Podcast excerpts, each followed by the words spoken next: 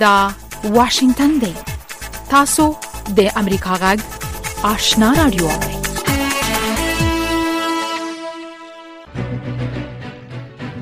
درنو اوریدونکو ستړي مشئ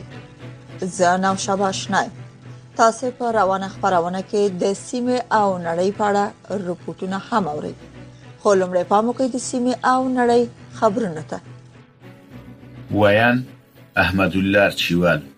پکتیا ولایت په ډنډ پټان ولسوالۍ کې ډیورن سره په کرخه د پرون ورځې په نخته کې تر اوسه د یو پاکستانی عسكر د وژل کېدو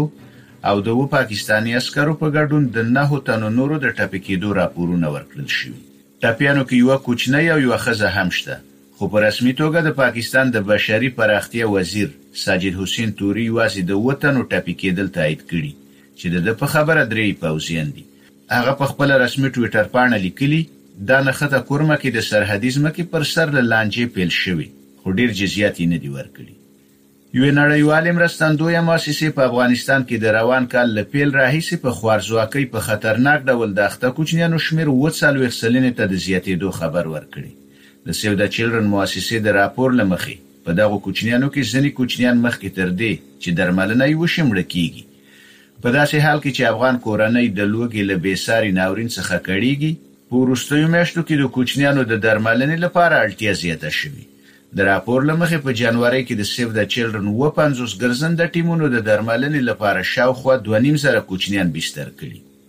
پاکستاني چارواکو له طالبانو سره په خبرو کې د سپین بولدک، چمن لار په مشروط ډول د خلاصولو ژمنه کړې. چمن سپین بولدک لار به د ټولو خلکو او ټرانزیټ پر مخ سر له نن څخه پرانیستې وي. دا په چمن کې د پاکستان د کمیسارۍ د مرستیال عبدالحمید زهري ژمنه ده چې پرون یې له طالبانو سره تر ناستې وروسته په یوه بیان کې کړې.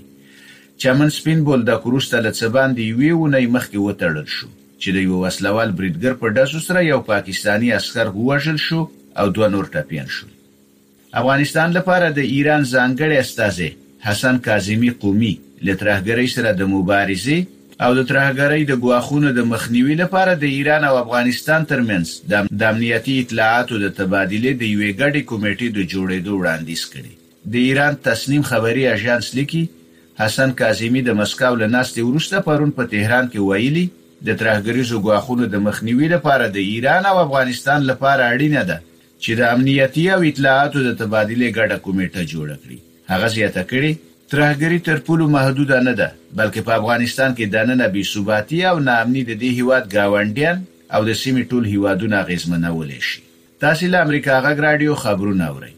د اوکراین پر زاپوریژیا اتومي بټۍ چې د روسي پوځیانو په کنټرول کې ده، کې د توپ د بریدونو په پایله کې پرون او وړمه ورځ دوولس چاودنې شوي د اتومي انرژۍ نړیوالې ادارې له دغو چاودنو وروسته شدید خبرداری ورکړی. د اتومي انرژۍ د نړیوالې ادارې رئیس رافایل ګروسي د یو ستر اټومي ناورین په باب د خبرداري ورکولو په ترڅ کې وویل، له اور سره مه لوبیږئ.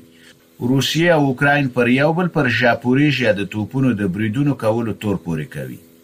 بلخوا راپورونه وايي مسکو او تهران پر یوه موافقه سلا شوي چې له مخې یې روسیې ته زمینه برابرېږي څو په ایران کې ډیزاین شوې بې پیلوټه الوتکې تولید او په اوکراین کې یې د جګړې پر ډګر وکاروي. په دې اړه زما همکار راپور راکوي. د امریکا واشنګټن پوسټ ورځپاڼې وړمه ورځ د دریو امریکايي چارواکو د مرکو پر اساس چې له دې موضوع څخه خبر دي دغه راپور ورکړی دی. د دوی په وینا دغه موافقه د دې میاشتې په لومړیو کې د یوې کتنې پر مهال نهایی شوې ده دوه سرچینو ویلي دي تهران دا مهال ماسکو ته د دغه الوتکو د تولید لپاره د ډیزاینونو او کلیدي پرزو په ورسپارلو باندې بوخت دی غورځنګ د امریکا غږ واشنگټن د ایران د بشري حقوقو مرکز د ایران په عمومي اعتراضونو کې تر پرونه د څلور سوه نولس تنو د وژل کېدو ادعا کړې. د دې راپور پر اساس د سنبلې د میاشتې له شپږ ویشت مې چې په ایران کې اعتراضونه پیل شوي تر پرونه پورې همدومره اعتراض کوونکي د مظاهرو په ترڅ کې وژل شوي چې د هغو په منځ کې لږ تر لږه شپېته تنه کوچنیان او تر اتلس کلونو کشران دي. د دې مرکز د معلوماتو پر اساس تر پرونه پورې په مظاهرو او اعتراضونو کې لږ تر لږه اوولس زره څلور سوه یو پنځوس تنه اعتراض کوونکي نیول شوي. د امریکا د متحده ایالتونو د کلراډو ایالت د همجنس بازانو په یوه کلب کې تېره شپه یو دوه ویشت کلن وسله وال کس په ډزو سره پنځه کسان وژلي او پنځه ویشت نور یې ټپیان کړي. پولیسو وروسته برید کوونکی نیولی. په سیمه کې د پولیسو مشر ویلي، چې په کلب کې تر برید وروسته دوه وسلې موندل شوي. برید کوونکی د پولیسو په تعقیب کې دی او د ټپونو درملنه یې روانه ده. دا و د دې ساعت خبرونه چې تاسو ته په واشنګټن کې د امریکا غږ له سټوډیو وړاندې کړل.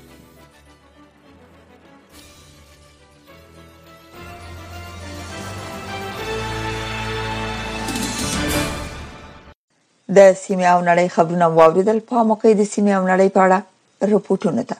د سره صلیب د نړیوال کمیټې یو جګپوړی چارواکي وایي چې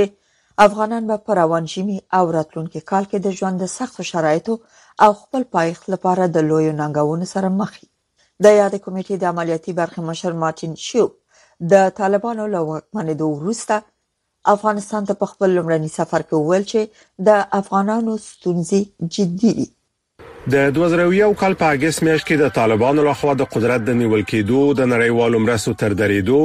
او د بهرنیو مؤسساتو له وتلو وروسته په افغانستان کې په بنسټیز ډول وضعیت بدل شوی او په میلیونونه خلک له فقر او لوږې سره مخ دي. د سره صلیب د نړیوالې کمېټې د عملیاتي برخې مشر مارتین شویو په خپله تازه مرکه کې ویلي دي چې رښتیا هم په افغانستان کې وضعیت ډیر ترینګلی دی. مونږ وینو چې ډیر شمیر افغانان د پیسو د ترلاسه کیدو په هدف خپل لوازم او توکي پلوري څو وکړای شي د ګرمیدو لپاره توکي واخلي او په ورته وخت کې خوراکي مواد او نور ضروري شیان واخلي کوم چې قیمتونه یې مخ په لوړیدو دي. پر طالبانو بندیزونه د دې لامل شوي چې بانکي راکړې ورکړې ودریږي د افغانستان په میلیاردونو ډالر کنګل شي، نړیوالو بنسټونو او بهرنیو پیسو ته لاسرسی چې د امریکا او ناټو ځواکونو له وتلو مخکې د افغانستان اقتصاد پرې متکي و، محدود شي. مسئله څو اړخیزه ده، له یو طرف نه نړیوال بندیزونه، تحریمونه، مقاطعه او انزوا د افغانستان دا ډېره لویه بلا ده، دغه ډېر آفتونه زېږولي دي، متعدده آفتونه، اجتماعي، ذهني، فکري، رواني او هم یې د کار او اقتصاد پر مارکېټ باندې، هم یې پر تجارت باندې اغېزه غورځولې. بله لویه مسله دا ده چې مثلاً یو مقدار برنامې معطله شوې دي چې له هغې سره کسب و کار خراب شوی ده. شویوف وویل چې دغه ژمی شدیدې انساني اړتیاوې چې نیم افغانستان له وړاندې ورسره مخ دی، نورې هم ډېرې کړې دي. د سره صلیب د نړیوالو کمیټې دغه چارواکي زیاته کړه، بندیزونه د دې لامل شوي چې مرستې او نور اړین توکي په وخت افغانستان ته ونه رسیږي، خو هغه وویل چې بشري مرستې له بندیزونو معافې دي او د یاد بنسټ په شان سازمانونه کولی شي چې خپل کار ته دوام ورکړي. د سره صلیب نړیوالو کمیټې ډاډ رامنځته کړی چې صحي سیستم خپل فعالیت ته دوام ورکړي او د روغتون د مقاومت د یو پروګرام په جوړېدو سره موږ په روغتونونو کې لزر 1500 نرسانو او ډاکټرانو ته معاشونه ورکوو د سره صلیب نړیواله کمیټه په داسې حال کې د افغانستان د بشري وضعیت په اړه اندېښنه کوي چې طالبان تر اوسه د نړۍ د هیڅ هیواد لخوا په رسمیت نه دي پیژندل شوی نړۍ د رسمیت پیژندلو لپاره خپل شرایط ایښي چې د ټول شموله حکومت جوړیدل او د ښځو او اقلیتونو د حقونو تامین هم د غوښتنې دي سمیع الله جلالزای د امریکا غږ انتظار پای ته ورسید ترنو لیدونکو او اوریدونکو تاسو کولی شئ د امریکا غا ټلویزیونی او رادیوي خبرونه د یاشر ساتلایت له طریقو وګورئ او واورئ د نوي ساتلایت لارې تاسو د آشنا اتصال او کاروان ټلویزیونی خبرونه کتلای هم شئ د امریکا غږ د افغانستان څنګه خبرونه په 309 پټ چنل او د آشنا رادیوي خبرونه په 309 پټ چنل کې اوریدلای شئ لملتيامو د تل پشان مننه تاسو زموږ غږ د واشنگټن د سټډیو نه اورئ د برېښنا شرکت وایي چې د ازبکستان د حرارتي برېښنا په یو فابریکه کې د تخنیکی عوارضو له امله لا نه ورځې راهیسې د کابل په ګډون په یو شمیر ولایتونو کې د برېښنا کمبود زیات شوی دی او پرچاوي ډېری شوې دي د دغه شرکت چارواکي وایي د سپټمبر د میاشتې لمخه د ازبکستان د برېښنا ټول پورونه ادا کړی دي کابل کې 440 میگاواټه برېښنا ته اړتیا ده چې اوس مهال 340 میگاواټه برېښنا لري په دې اړه نور تفصيل د اکرام شینواری پر رپورت کې اورئ د افغانستان د برېښنا شرکت عملیاتي رئیس سپی الله احمدزي د دوشنبې پر ورځ کابل کې یو خبري کانفرنس ته ویل چې د ازبکستان پاکستان د حرارتي برېښنا په یوه فابریکه کې د تخنیکي عوارضو له امله د دغه هېواد څخه افغانستان ته د وارداتي برېښنا اندازه شاوخوا دوه سوه میګاواټه کمه شوې چې له امله یې د کابل په ګډون په یو شمېر ولایتونو کې د برېښنا جریان د ستونزو سره مخ شوی او د پخوا پرتله د برېښنا پرچاوۍ نورې هم زیاتې شوې دي. در مجموع ما در شهر کابل ښاغلي احمدزي ویل په مجموعي ډول موږ په دې ورځو کې د کابل په ښار کې شاوخوا درې سوه او څلوېښت میګاواټه برېښنا لرو د مخه مو څلور سوه او څلوېښت میګاواټه برېښنا لرله یعنې د ازبکستان څخه د دوه سوه شل میګاواټو برېښنا کمبود احساس کیږي موږ د کابل ښار کې له یو سلو شلو میګاواټو برېښنا د کمبود سره مخ یو د برېښنا د شرکت دغه چارواکي ویل چې نه ورځې وړاندې ازبکستان ورته د برېښنا په شبکه کې د عوارضو د پیدا کېدو خبر ورکړی او دوی تمه لرله چې دا ستونزه به په دوه درې ورځو کې حل شي خو تر اوسه چې د دې ستونزې څخه نه ورځې تېرېږي لا هم د ازبکستان د حرارتي برېښنا په فابریکه کې ستونزه نه ده حل شوې د برېښنا شرکت عملیاتي رئیس ویل چې د دې ستونزې د هوارولو لپاره د ازبکستان پاکستان حکومت سره د ډیپلوماټیکو لارو هم تماسونه نیول شوي دي ښاغلي احمدي ویل چې ازبکستان ته د برېښنا مصرف پیسې سپارلي او د روان کال د سپټمبر د میاشتې وړاندې د ازبکستان برېښنا ټول پورې ورته ادا کړی دی بدیهی به کشور ازبکستان ما نداریم ښاغلي احمدي ویل موږ د ازبکستان پوروړي نه یو مخکې له دې چې د سپټمبر په میاشت کې هغوی سره تړون پیل کړو موږ ازبکستان ته د پورونو کچه صفر ته ورسوله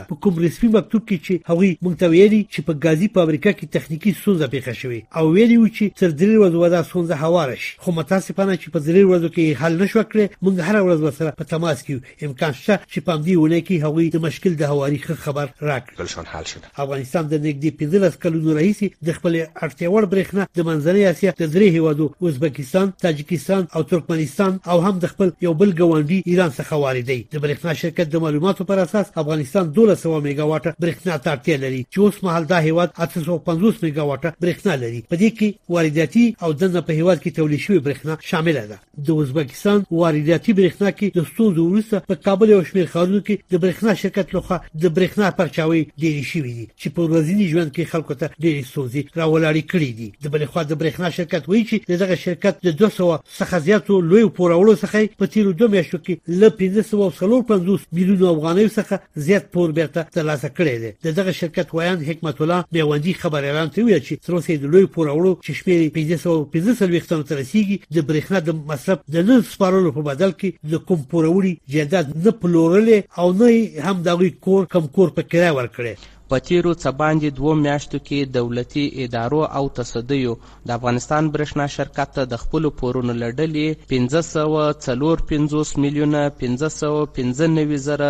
څلور سوه اته نوي افغانۍ په خپله تحویل کړې دي. خو هغه ویل هڅې روانې دي چې پاتې پوروړي به هم خپل پورونه د برښنا شرکت ته وسپاري. ښاغلي میمندي وویل چې تر اوسه د برښنا شرکت له لویو پوروړو څخه له یو میلیارد افغانیو زیاتې پیسې بېرته راټولې کړې دي. د امریکا غک آشنا رادیو درنو اوریدونکو تاسو کولای شئ د امریکا غک آشنا رادیو خبرونه په منځنوي سپو 12 شپږنوي او 902 کیلو هرتز او لنډې چپی 11515 باندې واورئ رپورټونو ته د واشنگټن د سټډیو نه ادامه ورکوو په هرات کې د زعفرانو د کلنۍ جشنواري په ترڅ کې یو شمېر زعفرانکارانو وویل چې د طالبانو د حکومت د رسمیت نه پیژندلو مسلې د زعفرانو په صادراتو منفي اغیز کړی دی دوی د طالبانو حکومت نه غواړي چې هوایي دهلیز بیا پرانیزي او بهرنیو هیوادونو کې زعفرانو ته بازار پیدا کړي صفی الله احمدزی په دې اړه رپورټ را لګلی کله چې په هرات کې د زعفرانو کرنه دوده شوه، ابراهیم عادل چې د کوکنارو کروندګر و، زعفرانو ته یې مخه کړه. هغه چې د زعفرانو اویا جریبه کرونده لري، د زعفرانو ګل اومه جشنواره کې ګډون کړی چې دې بوټي ته بازار موندنه وکړي او په خبرې یې د هرات اعلی زعفران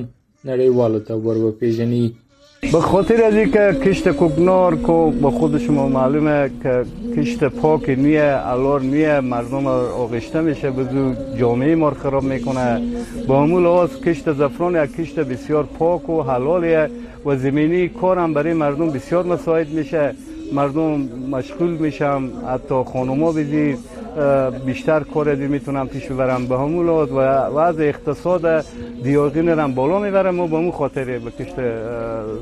زفران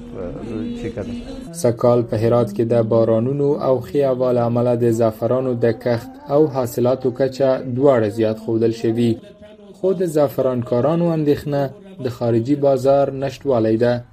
چې واک ته د طالبانو له رسېدو او د نړۍ له خوا د رسمیت نه پېژندنې مسئله هم پر دې موضوع اغېز پریښی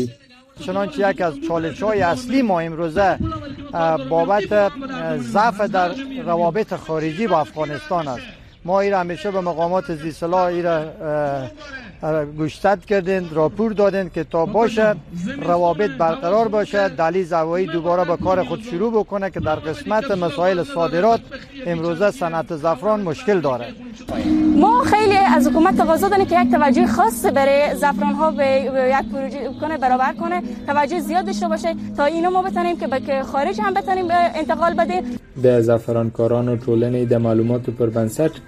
په هرات کې سږ کال په څه باندې اووه زره هکتاره ځمکه زعفران کرل شوي او څه باندې شل زره ټنه زعفران به ترلاسه شي بلخوا د هرات والي وایي چې دوی بزګرانو سره د بازار موندنې په برخه کې مرسته کوي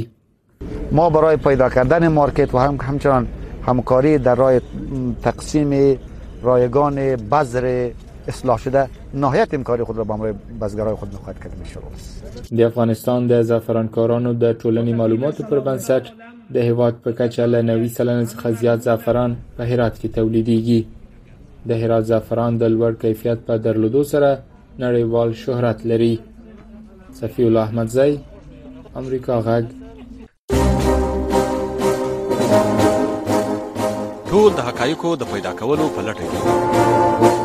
امریکا غږ په نړۍ کې د موثقو معلوماتو په برخه کې نړیوال شهرت لري امریکا غږ په نړۍ کې د ټولو لپاره د خبرونو باوري سرچینه ده خلک د نړیوالو مسایلو په حق له جامع معلومات غواړي او امریکا غږ دغه معلومات برابروي د امریکا غږ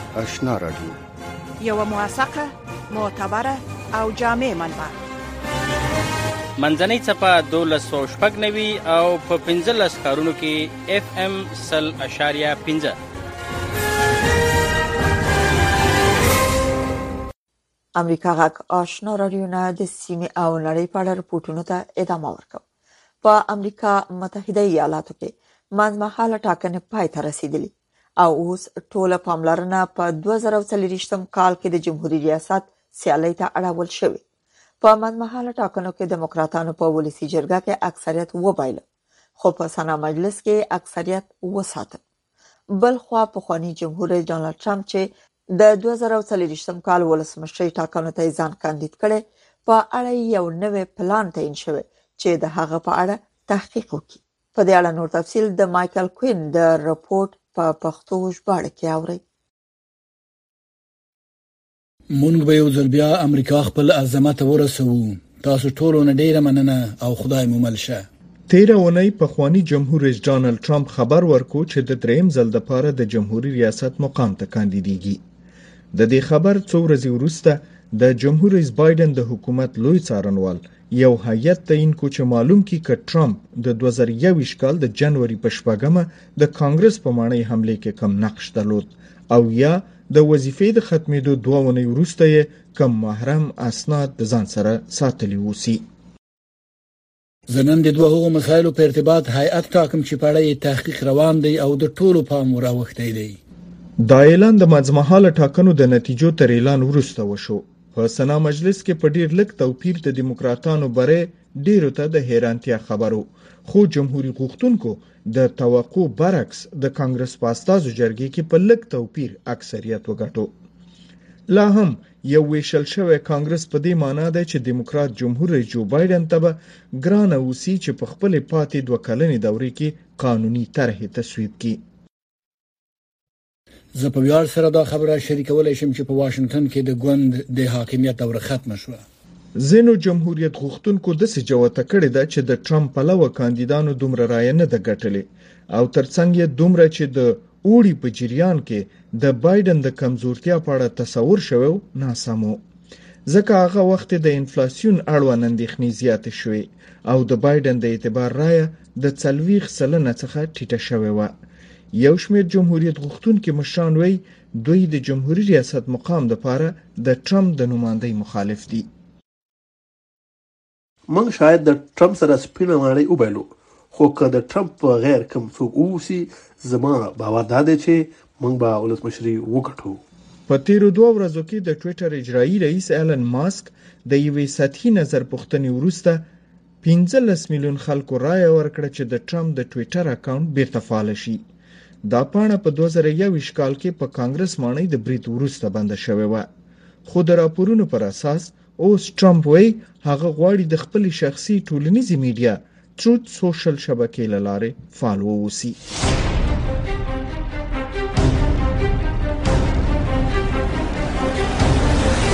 اتصال زموږ او تاسو پیوستون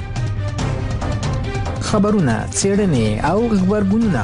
موثق معلومات او دقیق جزئیات هغه کورنۍ نړیواله او سیمه ییزه مسلې چې د عامو خلکو پر ژوند اغیزې لري ستاسو پوښتنې د چارواکو ځوابونه او د پوهانو سپارښتنې ل یک شنبه تر پنځ شنبه د مخام پر 15 بجو او 10 دقیقو له واشنگټن څخه پر ژوندې بڼه رپورټونو ته د واشنگټن د سټډیو نه ادامه ورکوم اسرائیل ته د يهودانو د راسنولو د قانون لمخې هغه کسان چې نیکه یا انا يهودي کولای شي اسرائیل ته راستانه شي او تابعیت واخلي د روسیې د ولسمشر ولادیمیر پوتین لخوا د اوکراین په خلاف جګړه کې د پوځي خدمت لپاره د 300 زرو کسانو د جلبولو د پریکړې لامل په زرګونو روسان اسرائیل ته کډه شوې دي تفصیلي په رپورټ کې اورئ.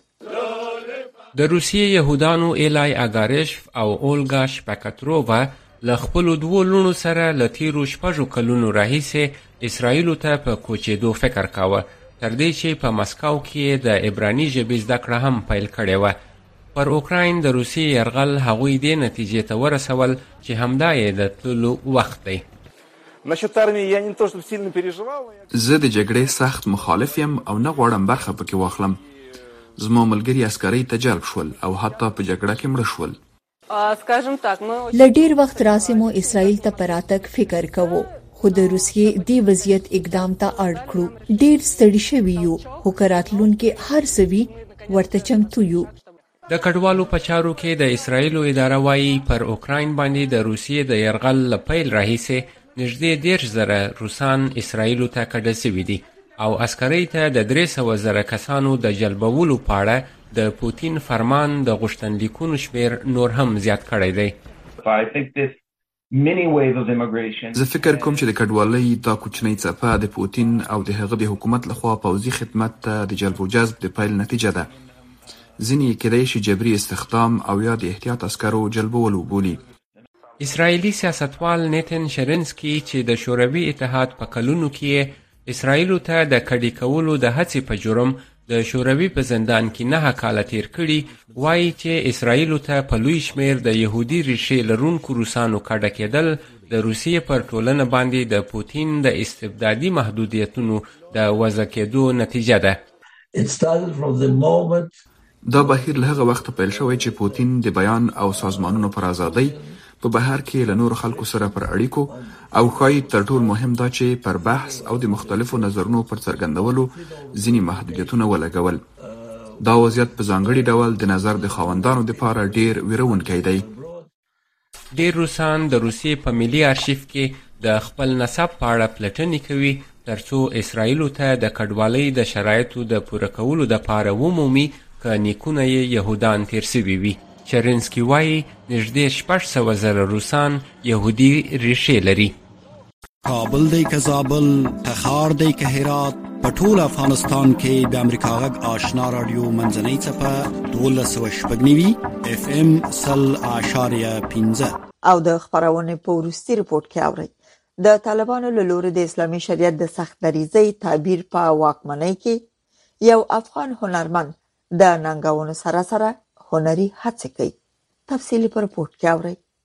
د طالبانو تر واکمنۍ لاندې افغان هنرمند جان علي په کابل کې د ځینو بندیزونو باوجود انځورګري کوي. دوازده الا پانزده نفر با ما نقاشا کار میکردن عایدات ما خوب بود و فعلا آردر نداریم چون روان کردن بسیار مشکل شده بسیار به قیمت گزاف تمام میشه با ما که ما تابلو را روان کنیم و حال تنها خودم به کار میکنم بسیار اوردرای مو کمپ شده. د هغه وروستی هنري کار په بورکه کې د یوې افغانې مېرمنې انځور دی. د طالبانو په سخت دریځه شریعت کې د مخونو انځورول حرام دي او علي نه غواړي چې د طالبانو کار ځان ته واړوي. د افغانستان په لارو کوڅو کې نقاشي، پوسټرونه او نور هنري آثار خراب یا مسخ کړل شوي دي. اینجا زیاتر مشتریای ما میامدند. خارجا بود می آمدن دیگه فعلا به خاطر که اینا به رسمیت قبول نشدن دیگه تانوز سفارت ها بسته است دفتر ها زیاتر بسته است خو کس کابل او نمی آیند 15 کلن علي په آزاد توګه نکاشي کوله او د میاشتې شوخوا 280 ډالر ګټلې خو اوس لګ تر لګه 50 ډالر ګټي د طالبانو تر راتګ وړاندې علي د کابل په شهرینو کې په خپل دکان کې 15 کارکونکي لرل خو اوس په هغوی کې ډیر د کاروباري مشکلاتو سره مخ دی د 2021م په اگست کې د طالبانو په واک ته رسیدو سره اقتصاد په ټپ ودرېدو او تجارت اغیزمن شو راضی به فروشات فعلان و قبلان قبلان خوب بود حال امیت از وقتی که کرونا شد و بعد رژیم تغییر کرد آیسته آیسته کار کم شد د دې ډلې د سخت دریزو د سختو فرمانونو له امله افغانستان پر شا تک کړی دی دغه سخت فرمانونه د طالبانو په نویه ملسیزه کې د لومړی دوري مذهبي سخت دریزي خي شیناز نفیس امریکا غږ واشنگټن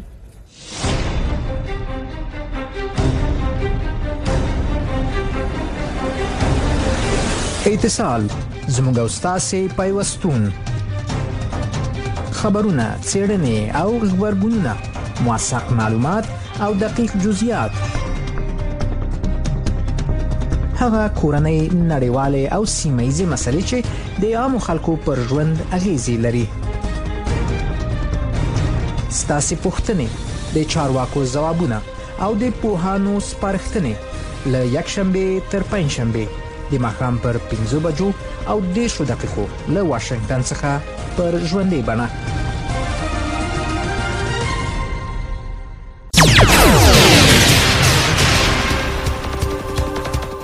درنو اوریدونکو په موقع د خبرونو لنډیز کړ پکتیا ولایت په ډنډ پټان ولسوالۍ کې د ډیورنډ سره په کرخه د پرون ورځې په نخته کې تر اوسه د یو پاکستانی عسكر د وژل کېدو او د و پاکستانی عسكرو په ګډون د نه تنو نورو د ټپي کېدو راپورونه ورکړل شوي پاکستانی رسنۍ لیکي ټپیانو کې یو کوچنی او یو خزه هم شته یوې نړیوالې مرستندویې موسسې په افغانستان کې د روان کال له پیل راهیسې په خوارځواکۍ په خطرناک ډول د اخته کوچنیانو شمېر اووه څلوېښت سلنې ته د زیاتېدو خبر ورکړی. د سیو د چیلډرن موسسې د راپور له مخې په دغو کوچنیانو کې ځینې کوچنیان مخکې تر دې چې درملنه یې وشي مړه کېږي. پاکستاني چارواکو له طالبانو سره په خبرو کې د سپین بولدک، چمن لار په مشروط ډول د خلاصولو د ژمنې خبر ورکړی. چمن سپین بولدک لار به د ټولو خلکو او ترانزیټ پر مخسر له نن څخه پرانیستې وي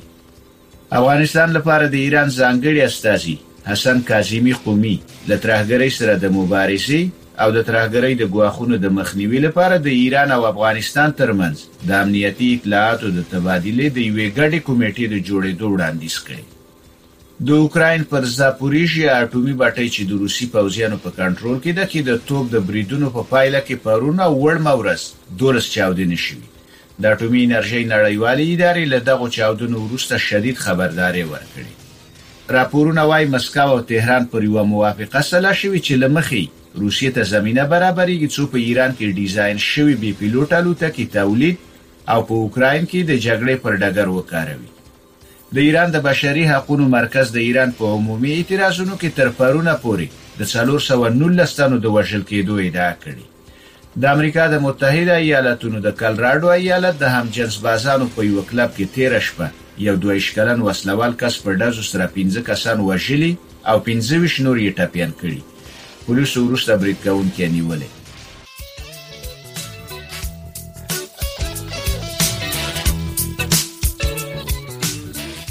درنو اوریدونکو خبرونه په همدې ځای پای ته ورسیده